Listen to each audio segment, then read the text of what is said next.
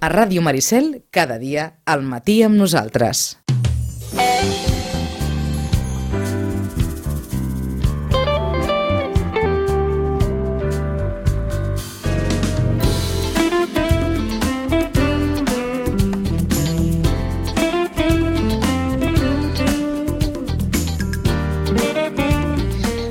Amb la col·laboració de l'Oficina del Parlament Europeu a Barcelona, la representació de la Comissió Europea a Barcelona, la Diputació, l'Ajuntament, la Generalitat i Europe Direct, el responsable de la qual parlarem. Benvinguts a una nova edició de l'Hora d'Europa.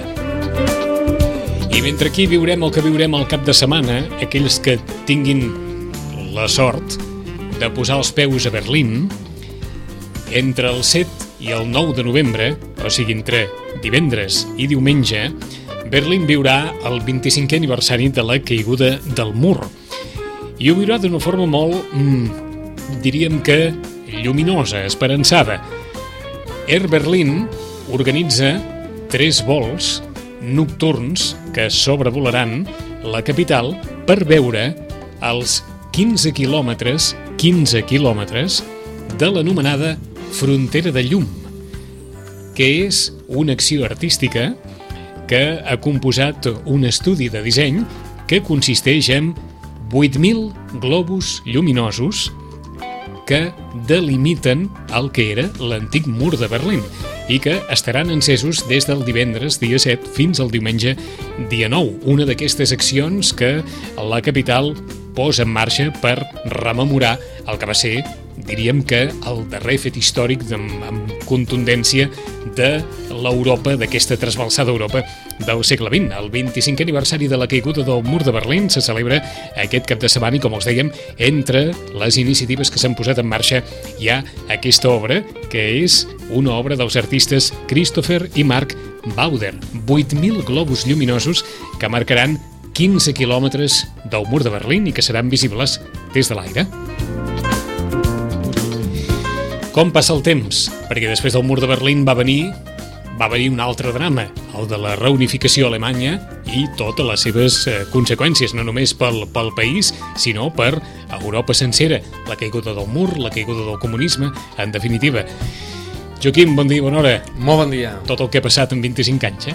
Déu-n'hi-do, de fet, com tu deies molt bé, Vicenç, va ser un fet històric que moltes vegades eh, no és massa recordat, però realment va ser aquell punt d'inflexió que va fer que d'entrada, al cap de pocs anys, eh, tinguéssim aquesta Europa 28 amb l'entrada dels països que llavors dèiem de l'est, no? i que també ha, ha transformat aquesta Unió Europea que vam passar de 15 a 25, després a 27 amb Romania i Bulgària i ara en 28 en Croàcia. Per tant, una Europa molt diferent a la que va tindre, o la que vam conèixer eh, quan vam entrar nosaltres l'any 86. Eh, no? Perquè, esclar, fa 25 anys, quan va caure el mur de Berlín, quants estats hi havia a la Unió? pues en aquells moments era l'any 89 quan va caure, eh, havíem entrat a Espanya el 86, 86 per tant estàvem a 12 estats. Mm? No sé si el 89 també havia entrat el, els altres tres que eren els, els que fèiem el, el, els 15, és a, és a dir, Àustria i tal, jo ara no recordo, però penso que l'any 89 eh, va ser l'any també que vam passar els 15. No sé si en aquell moment ja eren 12 o 15, mm -hmm. però bueno, de fet, la meitat dels 28 que tenim ara, és a dir, hem, hem, hem doblat amb aquests 25 anys si més no el nombre d'estats que conformen la Unió Europea, però sobretot la caiguda del mur de Berlín va ser el que els estats de l'est van picar la porta dient ei, mm, eh, va ser un fet històric per molts motius, no? inclús mundial. Eh? Vull dir, jo crec que també era també un símbol de, de com es havia acabat a la, a la, la Guerra Mundial i com s'havia acabat amb ferides eh, mm -hmm. ben profundes que constatava aquest mur al cor d'Europa, de, no? Eh, eh, des d'aleshores, aquesta Unió Europea ha crescut també pensant en un model de benestar social, en un model, diguem-ne, de drets per als seus ciutadans, de reconeixement de determinats drets, de determinats models de vida, gairebé diríem, en el qual s'ha basat bona part també d'aquesta, vaja, d'aquesta Europa sí, de, de finals del segle XX i principis del XXI. No? Totalment d'acord, vull dir, la caiguda del mur de Berlín també significa l'ampliació alemana, eh? recordem que vull dir que és l'única ampliació que no és en un nou estat, vull dir que és ampliació de territori, i a més a més amb, aquella, amb aquell pacte, se suposa que hi aquella època no, del senyor uh, Helmut Kohl, González, Mitterrand, inclús la senyora Thatcher, que va, va, va dir que endavant a l'ampliació territorial d'Alemanya a canvi de que anàvem a un projecte econòmic i financer i monetari, que era l'euro, on Alemanya pues, posava eh, poder la, la, la, la moneda insígnia en aquell moment mm -hmm. mundial, que era el, el marc alemany. Exacte, no? estem per parlant tant, de fa 25 anys, clar, eh? Estem parlant d'aquells moments... Pessetes, euros, ah, francs... Clar, exacte, estem parlant mm. d'aquells moments amb, aquells, amb, aquella, amb aquella, aquells pactes que es van fer per tirar endavant aquest projecte europeu que, com tu molt bé dius, es sustentava en tres, en tres eixos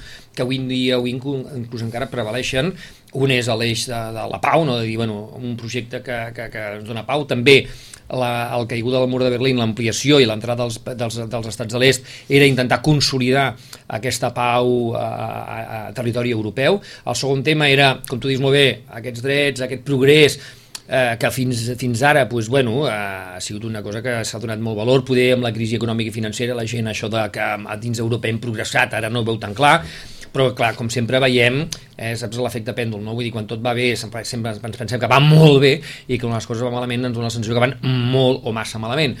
Eh, I després el, tercer eix que tu deies, no, dels drets, no? Vull dir, evidentment, eh, la Unió Europea centrava la Unió Europea, entre altres coses, perquè ets un estat democràtic, un estat de dret, un estat de, eh, amb justícia social, etc i tal, tot un seguit de requisits que era com una mica el gran examen, a banda de la convergència econòmica de les economies per poder entrar, era el gran examen per poder entrar, no? Vull dir, eh, recordo que tenim un país candidat que és Turquia, candidat a la Unió Europea i que ho, ho és des de fa molt de temps i ho seguirà sent durant molt de temps perquè ja entre altres coses ja no entrem al, al, al segon examen perquè el primer els drets, la igualtat home-dona, etc etc. avui veiem que no, no, no compleixen com a mínim l'estàndard mínim comú comunitari pel qual hem pactat que és una mica un dels, una de les teves capacitacions per ser membre d'aquest club mm -hmm. que diem Unió Europea. No? Uh, fa 25 anys Alemanya va trontollar molt i ara està home, no, més forta que mai o més influent que mai?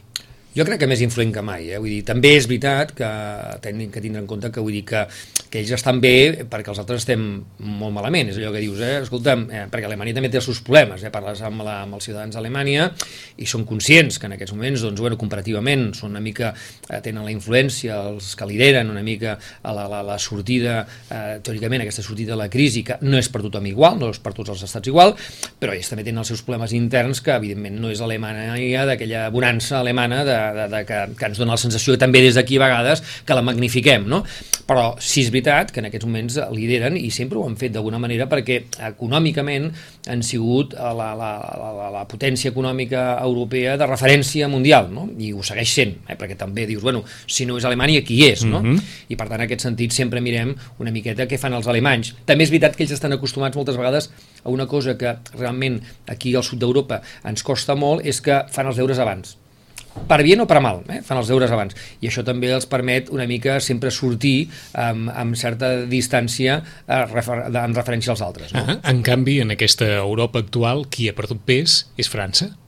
França ha perdut pes, ara amb la, amb la mateixa Comissió Europea, ara ens ho explicarà l'Albert, doncs inclús Espanya també per pes, perquè havíem tingut un, una, una vicepresidència de la Comissió Europea amb un comissari, el Joaquín Almunia, que reconec, eh, i no només jo, sinó tota la gent que hi ha seguit la carrera, al si més no, a Europa, ha sigut una carrera política de prestigi, de fet, inclús amb un govern eh, d'un altre color, com era el Partit Popular, eh, eh, no es van atrevir a canviar el comissari perquè realment era un referent a Europa, i, i a més a més ho trobo bé, ho trobo que no, que no s'ha de canviar canviar, mira, hem canviat de govern, ara canviem els comissaris, canviem...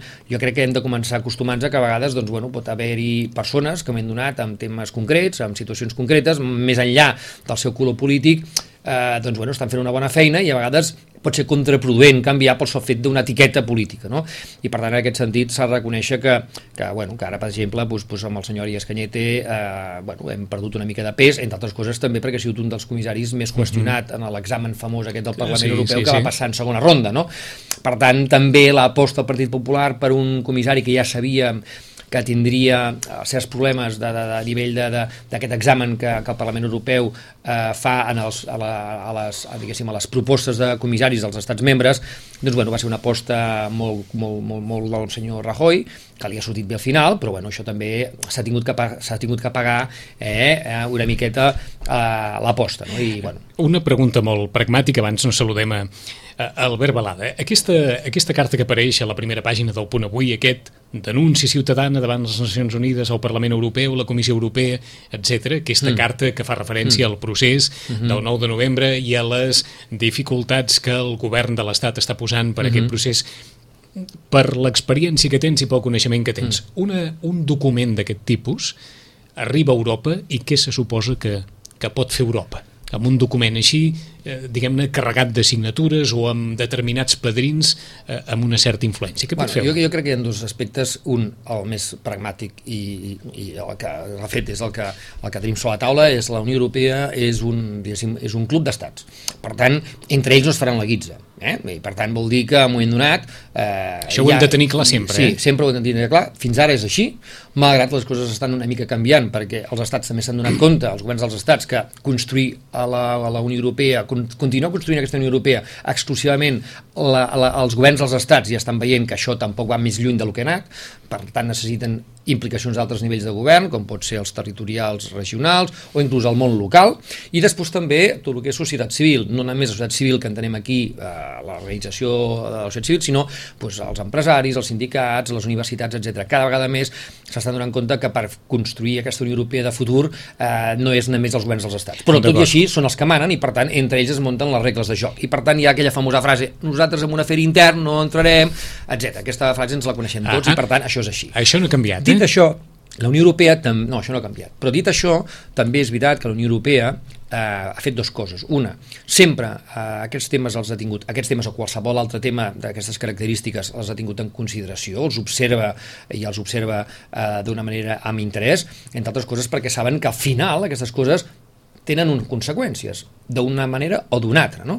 Per tant, això ho mires amb interès, la gent no és, no és tonta i per tant, eh, bueno, aviam mm -hmm. què passa amb aquest tema. Això és una primera cosa. És I la segona cosa... La Unió Europea sap que passa alguna cosa sí, i, i que més, això pot tenir conseqüències d'una determinada... I per tant la Unió Europea, quan aquestes conseqüències eh, s'acabin produint, doncs prendrà mesures o prendrà una decisió o una postura, eh? no abans. I, per tant, això ho hem vist perquè la Unió Europea el que ha fet és que davant d'una situació eh, d'entrada ha intentat que no es comparteixi amb un problema i després ha intentat que no es comparteixi amb un conflicte. Per això tampoc entenen massa bé com s'ha arribat a la situació actual. Aquesta és una altra de les coses que vas dir, però com s'ha arribat aquí? Però, clar, quan hi ha una situació eh, s'evita abans que sigui un problema i si és un problema s'evita abans que sigui un conflicte i és que aquí passat de la situació a ser una situació a un problema i ara ja estem amb el conflicte. Per tant, per, per una mica per les mentalitats pragmàtiques sí. d'una certa part d'Europa, la diguem-ne l'anglosaxona, que sempre és més negociant, mm -hmm. o inclús l'Alemanya i l'Europa de, de, de, del nord, que és més pragmàtica, això no ho entenen. I la segona cosa que la Unió Europea també té en compte és en aquest procés, com amb altres coses que estan passant de la societat civil, el resultat també de les eleccions al Parlament Europeu, estan veient que les coses estan canviant, en general. Ara perquè estem parlant del procés català, però podríem parlar en general. Mm -hmm. Les coses estan canviant i, per tant, la manera que tenim estandarditzada en democràcia de regular les comunitats i els col·lectius territorials està canviant cap on va? Tampoc se sap molt bé, però estem veient que les coses estan canviant no només a Catalunya, no només a l'estat espanyol, sinó a molta part d'Europa. No? I per tant també una mica mirant cap a on anem, quines seran les noves regles de joc per tornar a, re, a reinventar una mica aquesta democràcia que s'ha anat esgotant els últims temps i que ja ho hem vist. No? I per tant, dins d'aquest paquet doncs hi ha aquest bolet que es diu Catalunya, com hi ha altres bolets, i tot això també ho estan mirant en certa cautela i en cert interès, no? perquè és una de les coses que s'hauran de posar, no només com a Unió Europea, sinó cadascú, a cada un dels governs dels estats, a regular doncs, totes aquestes qüestions que estan en aquests moments canviant i d'una forma molt ràpida. No?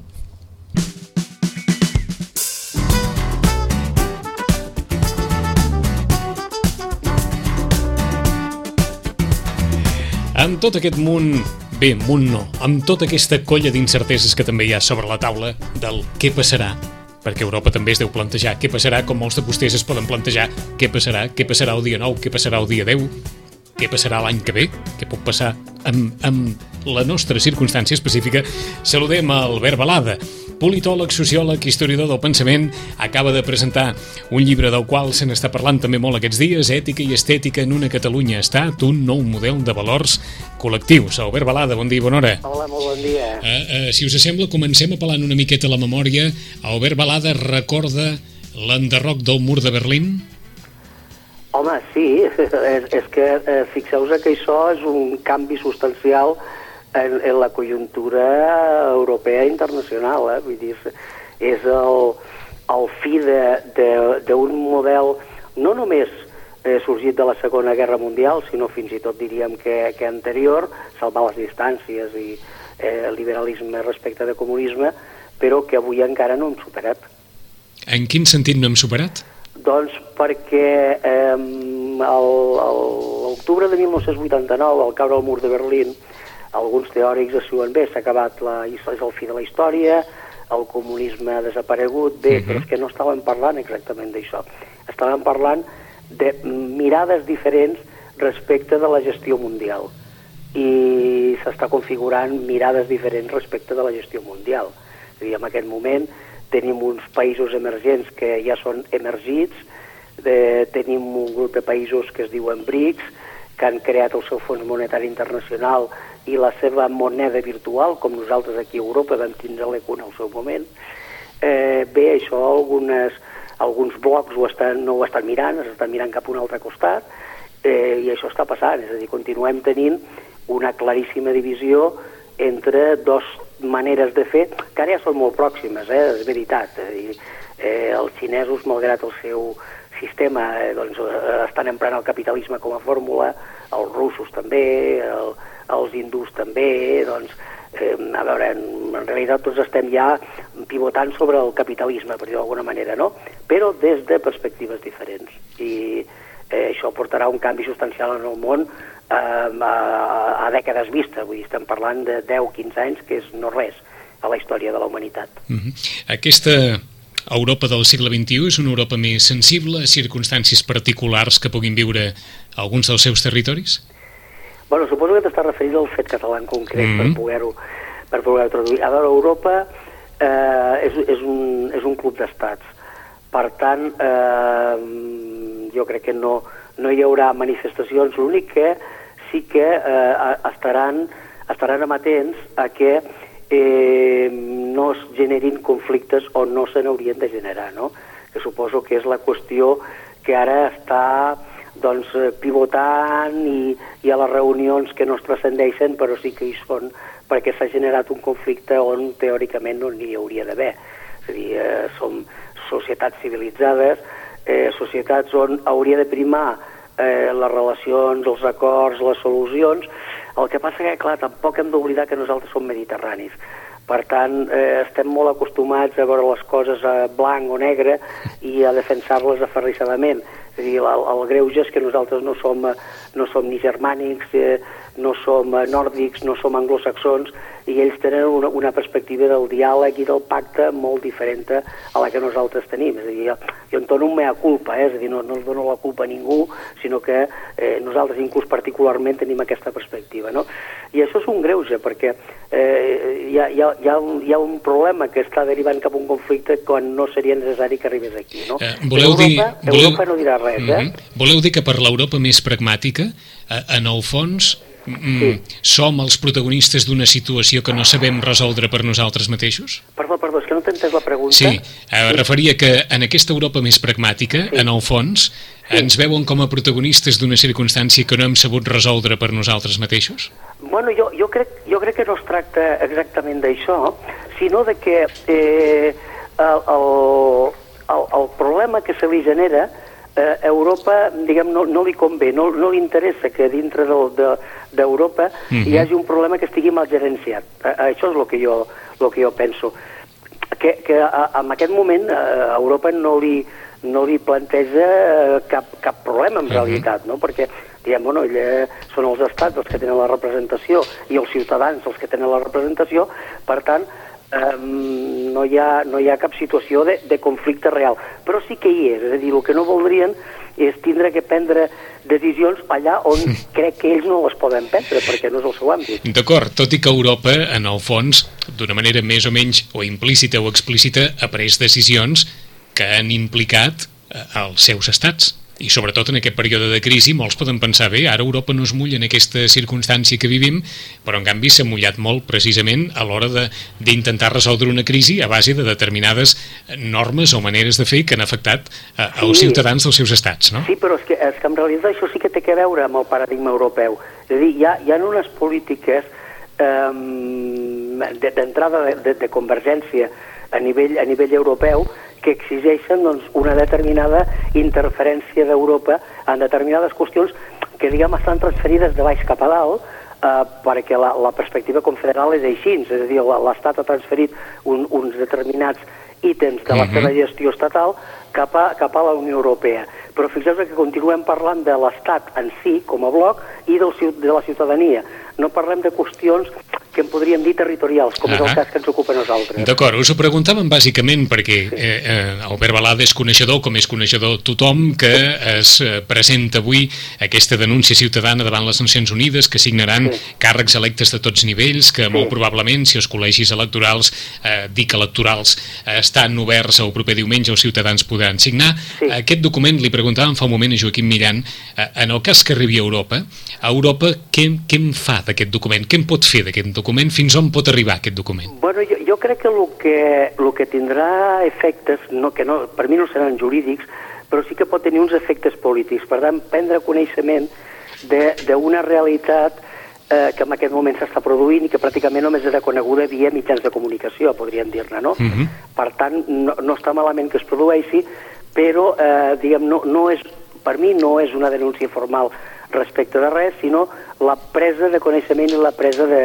de posició. És una de les actuacions que s'han de fer amb aquest tipus de circumstàncies. Vull dir, me sembla molt correcte que s'acudeixi doncs, a les esferes internacionals, a l'esfera europea en aquest cas, i, diguem, d'alguna manera, de la que podríem dir la unitat estadística que és Catalunya, que per tant forma part d'Europa, es faci saber a Europa quin és el posicionament respecte doncs, de la conculcació d'uns determinats drets, eh, de participació, d'expressió, que és el que suposo que deu, deuen tindre de contingut aquests documents que, mm -hmm. que s'estan presentant. Uh, una qüestió, ara us preguntarà Joaquim Millan, però quan us referiu a la unitat estadística perquè Catalunya forma part d'Europa, sí. uh, uh, suposo que referiu a que passi el que passi, és clar, no, no, no podem deixar de formar part d'Europa mal que sigui físicament, suposo. Jo ho tinc molt clar, és a dir, eh, nosaltres D'entrada, Europa, d'Europa en som part, vull dir, geogràficament uh -huh. som, som part d'Europa, però és que eh, jurídicament també formem part de la Unió Europea. Per tant, és molt difícil que s'hagués de produir, en el cas de que hi hagués una hipotètica secessió, vull dir, és una, aquest és un escenari sí. de futur, en cas de que hi hagués aquesta secessió, eh, bé, s'haurien d'establir els mecanismes per veure com es resol aquesta situació que s'hagués creat. Però no som un país eh, extern que demana l'ingrés a la Unió Europea. Som un territori que passaria a formar part de lo que se'n diu unitat territorial estadística nivell 2 Caram. a lo que es diu unitat territorial estadística nivell 1, és a dir, estat. Per tant, eh, bueno, s'hauria d'arbitrar com se fa aquest canvi del nivell 2 al nivell 1 perquè no està previst, evidentment, uh -huh. és una situació nova per la Unió Europea, però en realitat fixeu que de la manera que us ho explico relativament senzill, no? Sí. De, del nivell 2 al nivell 1 i ja està. Tot i que ens ha cridat molt l'atenció, sí. o sigui que Catalunya com a mm, comunitat autònoma sí. de l'estat espanyol és, un, és una unitat territorial estadística nivell 2? Sí, Sí, sí, és, és que és així, eh? vull dir, regulat... Caram! Sí, sí, regulat eh, al, al, diguem, a l'estructura europea és així com... És com així. Funciona. És així perquè, entre altres coses, perquè hem de pensar, i, i per ajudar una mica l'Albert, eh, que això sona molt malament, poder, o sona no, estrany, no?, en tot cas, però, clar, és que hem de pensar que els 28 estats membres no tenen la mateixa distribució interna, ni territorial, ni competencial, etc etc etc. Per tant, també la Unió Europea a vegades troba noms així molt estranys per intentar buscar un mot, eh, una paraula o, un, o diverses paraules que puguin resumir exactament quan estàs parlant d'això, perquè, clar, hi ha llocs on hi ha regions, hi ha llocs on hi ha departaments, hi ha llocs on hi ha eh, parts territorials que tenen competències legislatives com el cas espanyol, etc etc etc. Per tant, eh, no, no, que ningú interpreti que, que lleig sona això, no? No, no, no. eh, eh, ho interpretem des del punt de vista estrictament pragmàtic, eh? Mhm. Volies preguntar, Joaquim? No, jo només volia fer una referència més que preguntar, dir,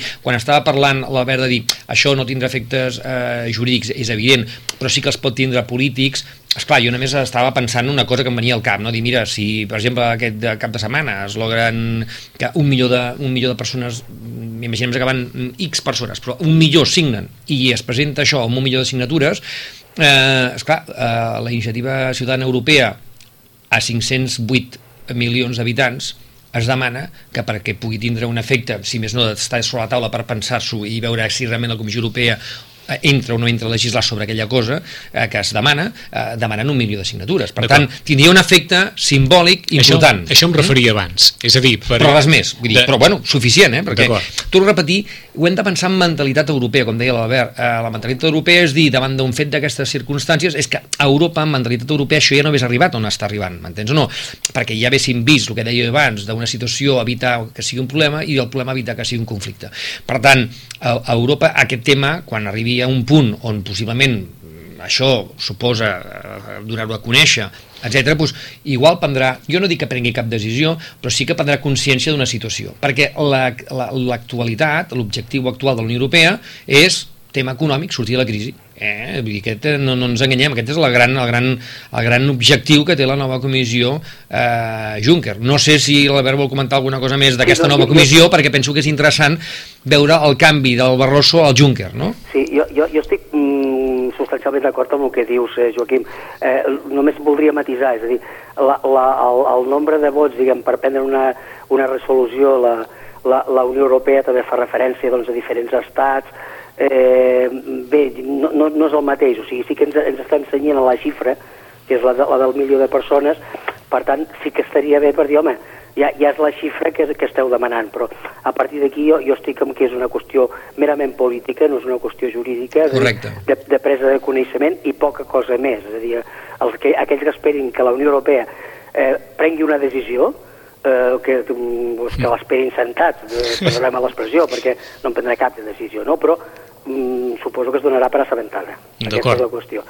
Bé, i, i, i amb el que dius tu, doncs, amb, amb el canvi ara i la, la, al començar ja la, la, la nova comissió, eh, també tenen de la raó. El, la qüestió és una, una greu crisi econòmica, eh, queda clar que hi ha un procés de, de recessió econòmica en el que està instal·lada Europa, i estan instal·lades diguem, les unitats centrals europees, és a dir, aquests països que havien de fer de motor, eh, en aquest moment estan ells mateixos en recessió i això arrossega a la resta de la Unió. Per tant, s'han de prendre mesures, eh, diríem dràstiques, bueno, d'acció, eh? algun tipus de mesura. De fet, el, el Banc Central Europeu doncs, data els tipus d'interès al model que el té, eh, hi, ha, hi, ha, hi ha una emissió de, de diner i un, i un suport a lo que eren les antigues banques centrals, bé, eh, s'ha de començar a actuar així per reactivar la, reactivar l'economia perquè, eh, a veure, en definitiva la política és economia també, eh? No, no, no, no ho oblidem. Mhm. -huh. No ens agradaria oblidar-nos tampoc dels dos valors o d'alguna forma el que posa sobre la taula el darrer llibre d'Albert Balada, perquè estem parlant de la crisi econòmica, però és clar, segurament el títol del darrer llibre d'Albert Balada seria molt extrapolable. Ètica i estètica en una Catalunya-Estat, un nou model de valors col·lectius. Podríem extrapolar ètica i estètica en una Europa, un nou model, ètica i estètica en una Espanya, ètica i estètica en un món, perquè, eh, eh, esclar, amb una mica d'ètica o amb un molt d'ètica i una mica d'estètica, segurament bona part del que vivim avui no ho viuríem, no? Clar, jo és que amb el meu, amb el meu assaig el que estic tractant d'explicar és tot un seguit d'ítems que tenen molt a veure amb, amb una qüestió, eh, bueno, una qüestió, una paraula que l'estem usant molt i, i que jo crec que l'hem pervertit d'alguna manera, que és el concepte de democràcia, no? Sí. És a dir, la, la democràcia en realitat no només és la participació electoral, la democràcia són tot un seguit de valors que l'acompanyen. És dir, nosaltres sempre hem tingut la visió de la perspectiva de l'antiga democràcia grega, eh, que en realitat doncs, la democràcia grega era, era un, un model de democràcia no precisament massa ben vist, és a dir, utilitzat pels teòrics, no? Per tant, democràcia, com l'entenem ara, és a dir, democràcia liberal, que és la manera com l'hauríem de definir, hi ha tot un seguit de valors i és el que d'alguna manera vaig intentant definir en aquest llibre a través d'explicar tot el que hauria de ser tot el, tot el procés, explico conceptes com legitimitat, explico conceptes com, com legalitat comparat, a, comparat amb legitimitat, però insisteixo moltíssim en els valors democràtics, que són en definitiva uns valors socials que no haurien de deixar de perdre. I ara tenim una crisi de valors? Jo crec que sí, jo crec que sí, és a dir, nosaltres aquí hem passat d'un món, diguem, amb una, amb una perversió del consum, permeteu-me l'expressió, que ens ha fet deixar de banda tots aquests valors, perquè bé, lo important era el consum, teníem una, una, una determinada perspectiva de vida, ens hem donat compte doncs, que això ens canvia, però hem deixat els valors pel camí. i ara els haurien una mica de recuperar, no? I tu creus que no, no després d'aquesta crisi que realment ha, ha tocat molt profunda a, a les persones, als col·lectius, als països, etc, no, no estem recuperant en part eh, aquests valors perquè a mi em costa una mica pensar que, evidentment, eh, la crisi econòmica i financera comença perquè es perden els valors i a partir d'aquí, com que tot és possible, doncs, bueno, amb els diners també, els bancs poden fer el que els doni la gana, és a dir, allò de que si, bueno, mentre no sigui immoral i sigui amoral, és com les targetes opaques, no? Bueno, era una mica amoral, però eh, com, eh, i ens entenem, no? Clar, vull dir, jo penso que també eh, hauríem de començar a donar valor als valors, permeteu-me una mica la redundància. Sí, sí, no? Si socialment no donem valor als valors, a la cultura de l'esforç, a la cultura de la solidaritat, etc etc i, i altres valors que penso que també són emergents, que també són importants en la societat actual i de futur, eh, si nosaltres mateixos no els hi donem valor, i acabem una mica amb mm, donar-li més, més valor a l'estètica que a l'ètica, i perdona que agafi el títol, eh, en tornem a, eh, no ens ha servit de res aquesta crisi, saps? Estic, estic totalment amb tu, Joaquim, perquè diguem, la, la, la, la, la crisi econòmica no, no, no era només una crisi econòmica, era una crisi de valors, és a dir, hi havia una certa perversió, un cert trencament amb tots aquests principis que s'havien anat fonamentalment a partir de les revolucions burgeses del segle, del segle XVIII, parlo de l'americana i parlo de la francesa, i, i, i el, el, el tot és possible, diguem, de, del, del, del nostre boom econòmic, que també era un boom fictici, eh? tampoc pensem que fos... Doncs va portar amb això. Al, al trencar-se tot aquest esquema, jo crec que sí, que arribarà un moment en què la gent prendrà consciència, però convé que, que ho anem dient, que ho anem recordant, més que res perquè eh, hem, hem d'ajudar a la gent a entendre doncs, que el camí existeix, que no és que s'hagi esborrat el camí que s'hagi perdut. Mm -hmm. Existeix aquest camí que es pot continuar seguint, eh, millorant. Eh, aquesta és la, potser seria la paraula, millorant allò que nosaltres havíem vist abans de tot aquest procés de disbauxa doncs que van ser, podríem dir, els 30 o 40 anys que ens han precedit. Eh, en 10 i 50 minuts, eh, per acabar, en, en un minutet, ben un minutet, o, o en el que cregui l'Albert Balada, però un politòleg, sociòleg i historiador deu pensar, o li podem preguntar, què creu que passarà el 9 de novembre? I fins a quin punt creu que el 10 de novembre estarem parlant d'alguna altra cosa? O si des del punt de vista pragmàtic el 10 de novembre tot continuarà igual fins que no hi hagi un pas més homologable a, a instàncies a les que siguin. Bueno, jo, jo el, el títol de futuròleg no el tinc encara, és una mica complicat. Ara jo sí que us he de dir una cosa. Hi ha dos, dos supòsits, és a dir, que que el dia 9 no vagi massa gent a participar, mm. aquest és un dels supòsits, i per tant llavors s'haurà eh, acabat el procés, i eh, aquí, aquí s'esgota tot, o que vagi moltíssima gent a participar, estem parlant d'una xifra dels 2.800.000, 3 milions de persones, i a partir d'aquí doncs, s'haurà de, de valorar quin és el resultat que se n'obté, és a dir, què és el que diu la gent, i eh, això ah, va una mica més enllà de les manifestacions que s'han fet. Nosaltres hem comptat els manifestants, un milió i mig, dos milions, un milió vuit-centes, però no n'estem segurs. Aquí podríem ja saber d'una manera eh, més fiable eh, què és el que pensa la gent, perquè ens ho ha expressat a través d'una papereta i d'un vot. I l'Albert Balada es decanta més perquè passi la primera de les opcions o la sí, segona? Sí, que poden, poden passar les dues, és a dir, pot, pot passar que la gent estigui desencantada ah. i, que, i que vegi, vols que això no sé, i, i mira, i ara com que hi ha hagut el recurs doncs no hi vaig, o pot passar que no, que, la, que això hagi motivat precisament a la gent, poden passar els dos escenaris, no? I, i és amb això el que ens movem. Llavors l'anàlisi del dia 10 és en funció de el que hagi passat, eh, les forces polítiques tenen una responsabilitat importantíssima. S'han de començar a plantejar quin ha de ser aquest escenari de futur. Mm -hmm. Albert Balada, gràcies per estar aquí matí amb nosaltres. Bueno, Saluda en Joaquim Millan. Ha estat un plaer. Fins aviat, Albert. Gràcies per estar aquí amb nosaltres. Una abraçada. Una abraçada. Adéu-siau. Adéu, adéu.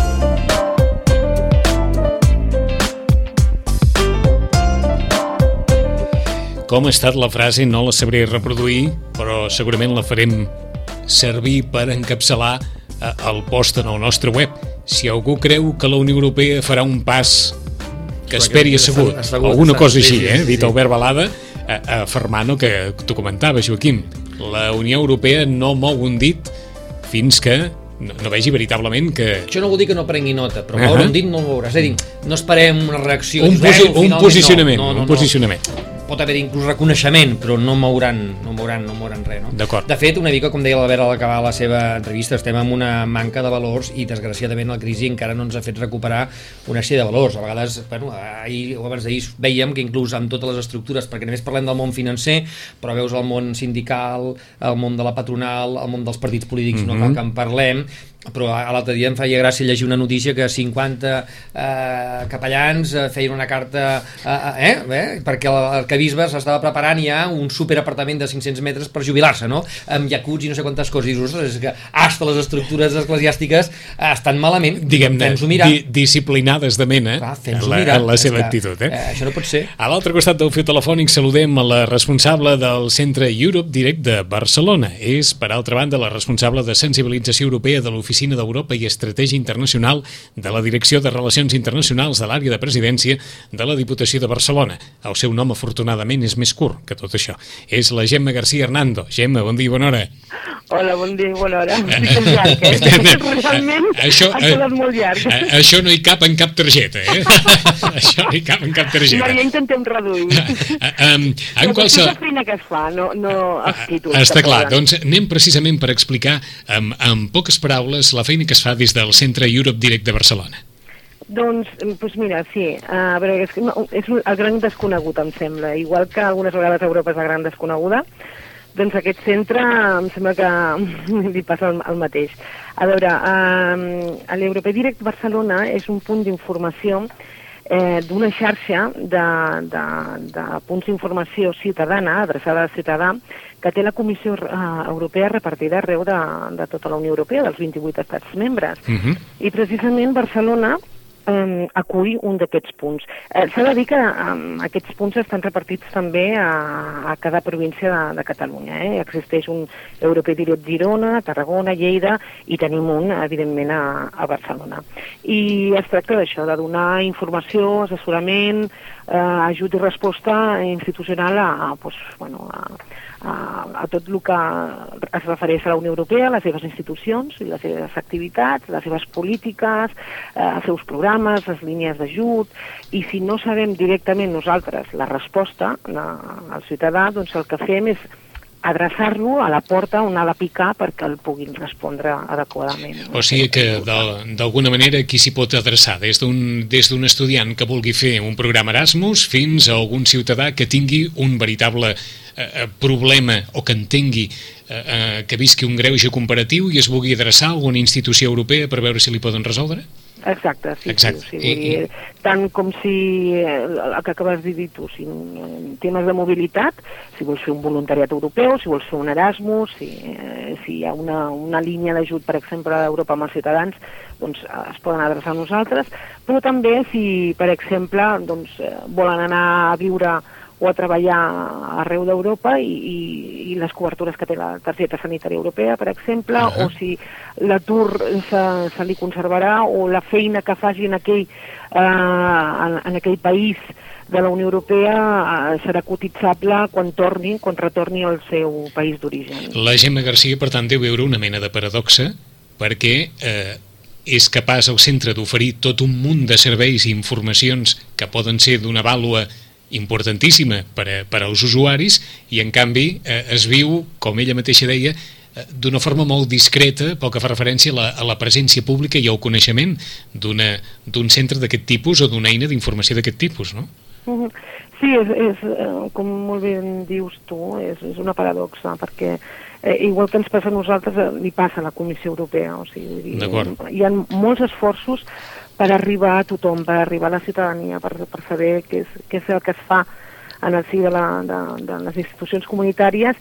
I, i, i diguem-ne, una causa de tot això és la creació d'aquesta xarxa de punts d'informació ciutadana de la Comissió Europea estesa als 28 estats membres, perquè volem, o sigui, Europa vol apropar-se als ciutadans, vol que, que formi part de les seves vides perquè formem part d'Europa i, i aquesta és la paradoxa que, que comentes, o sigui, nosaltres estem també fent esforços per, per poder arribar i per, per poder informar a, a la gent que existeix uh -huh. aquest mhm. punt. I, i, i un, per, no sé si, si voleu que...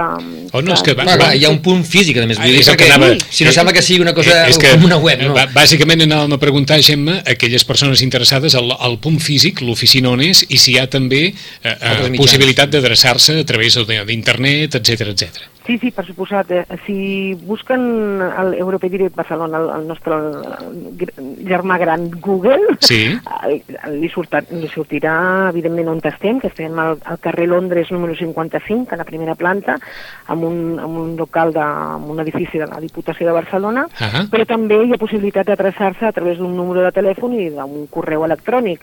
Tota, tota la informació la, la teniu en la, en la nostra pàgina web, que està penjada a, a, a la pàgina de la Diputació de Barcelona. O I, sigui, i, a través, I a través del web, Gemma, es poden fer les mateixes preguntes que es podrien fer físicament al, en, el, en, el vostre, en la vostra oficina, no? I tant la ciutadania, o sigui, la, els ciutadans a peu poden adreçar-se a nosaltres o a través d'una visita física a, aquí a les instal·lacions del carrer Londres, com per telèfon, com per mail. No hi ha cap tipus de problema. Jo només per curiositat, eh? perquè també la gent que ens escolti, els nostres oients, diguin, bueno, què pregunten? No? Vull dir, ara la història és dir, uf, no sé si preguntar què és el que la gent Habitualment, pregunta. Habitualment, la- quines són les tres o quatre coses que tu veus, mira, pues, perquè la gent s'animi. Què et pregunten? Doncs mira, des de... És que les preguntes són algunes vegades inversemblants. Van des de coses molt... mm, sub, o sigui, sub, mm, sobtades, com per exemple, què signifiquen el A, B i C i D dels electrodomèstics. Per exemple, és a dir, la, la, qualifica, la qualificació La energètica dels... qualificació El dels- segell de la Unió Europea diu això, i què Ah. és això? No? Exacte. I què, què significa el A++, D'acord. Eh, coses com aquestes, Ahà. com també, evidentment, la cobertura de targeta sanitària, eh, el que acabo de dir, o sigui, les les- preguntes, per exemple, de, de cobertura sanitària de, de seguretat social... Mhm. eh, a Són també molt país- habituals, eh? Exacte, són Doncs. molt habituals i també si cotitzen, o si cotitzen en Mhm. un país de fora, si els mantindran aquesta cotització quan retornin... Quan arribin aquí. Exacte. Um, el tema de mobilitat, moltes consultes. Doncs en qualsevol Moltes. cas, qui en vulgui fer, ja ho sap, al Centre Europe Direct de Barcelona n'hem parlat amb la Gemma Garcia. Gemma, gràcies. A vosaltres Fins per la propera. aquesta oportunitat. Gràcies. Molt bon dia, Gemma, gràcies. Fins la Joaquim, propera. gràcies. Fins la propera. Fins la propera. Adéu, bon dia.